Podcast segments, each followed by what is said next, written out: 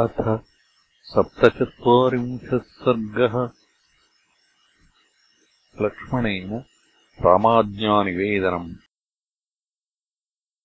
अथ नावम् तु विस्तीर्णाम् नैषादीन् राघवानुजः।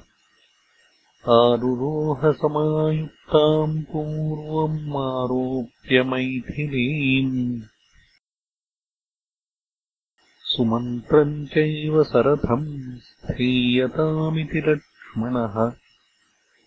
उवाच शोकसन्तप्तः प्रयाहीति च नाविकम्। ततः तीरमुपागम्य भागीरथ्यास्तलक्ष्मणः। उवाच मैथिलीम् वाक्यम् प्राञ्जलिर्बाष्पसम्प्लुतः हृद्गतम् मे महच्छल्यम् यस्मादाद्येण धीमता।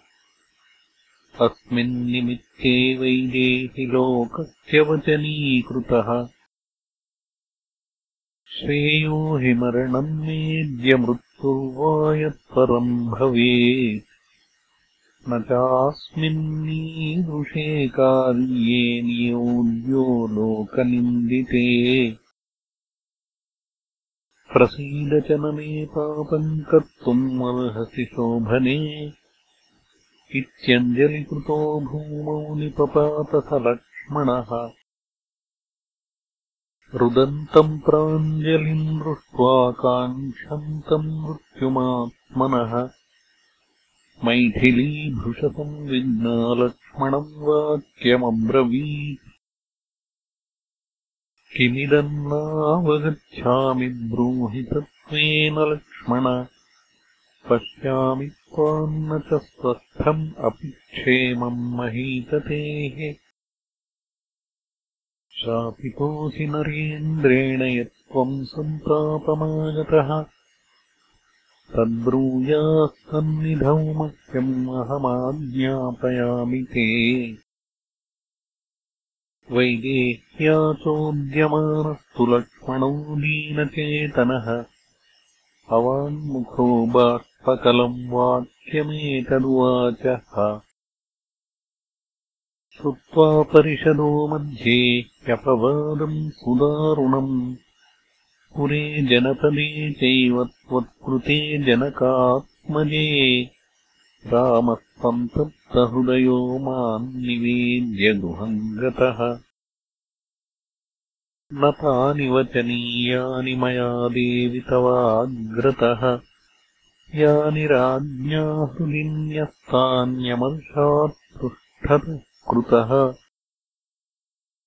सा त्वम् त्यक्ता नृपतिना निर्दोषा मम सन्निधौ। पौरापवादभीतेन ग्राह्यम् देवि न तेऽन्यथा आश्रमान्तेषु च मया त्यक्तव्या त्वम् भविष्यसि। राज्ञः शासनमाज्ञाय तवेदम् किल दौहृदम्।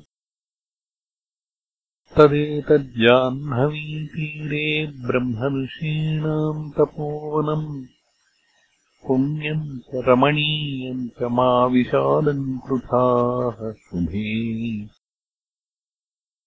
राज्ञो दशरथश्चेष्टः पितुर्मे मुनिपुङ्गवः।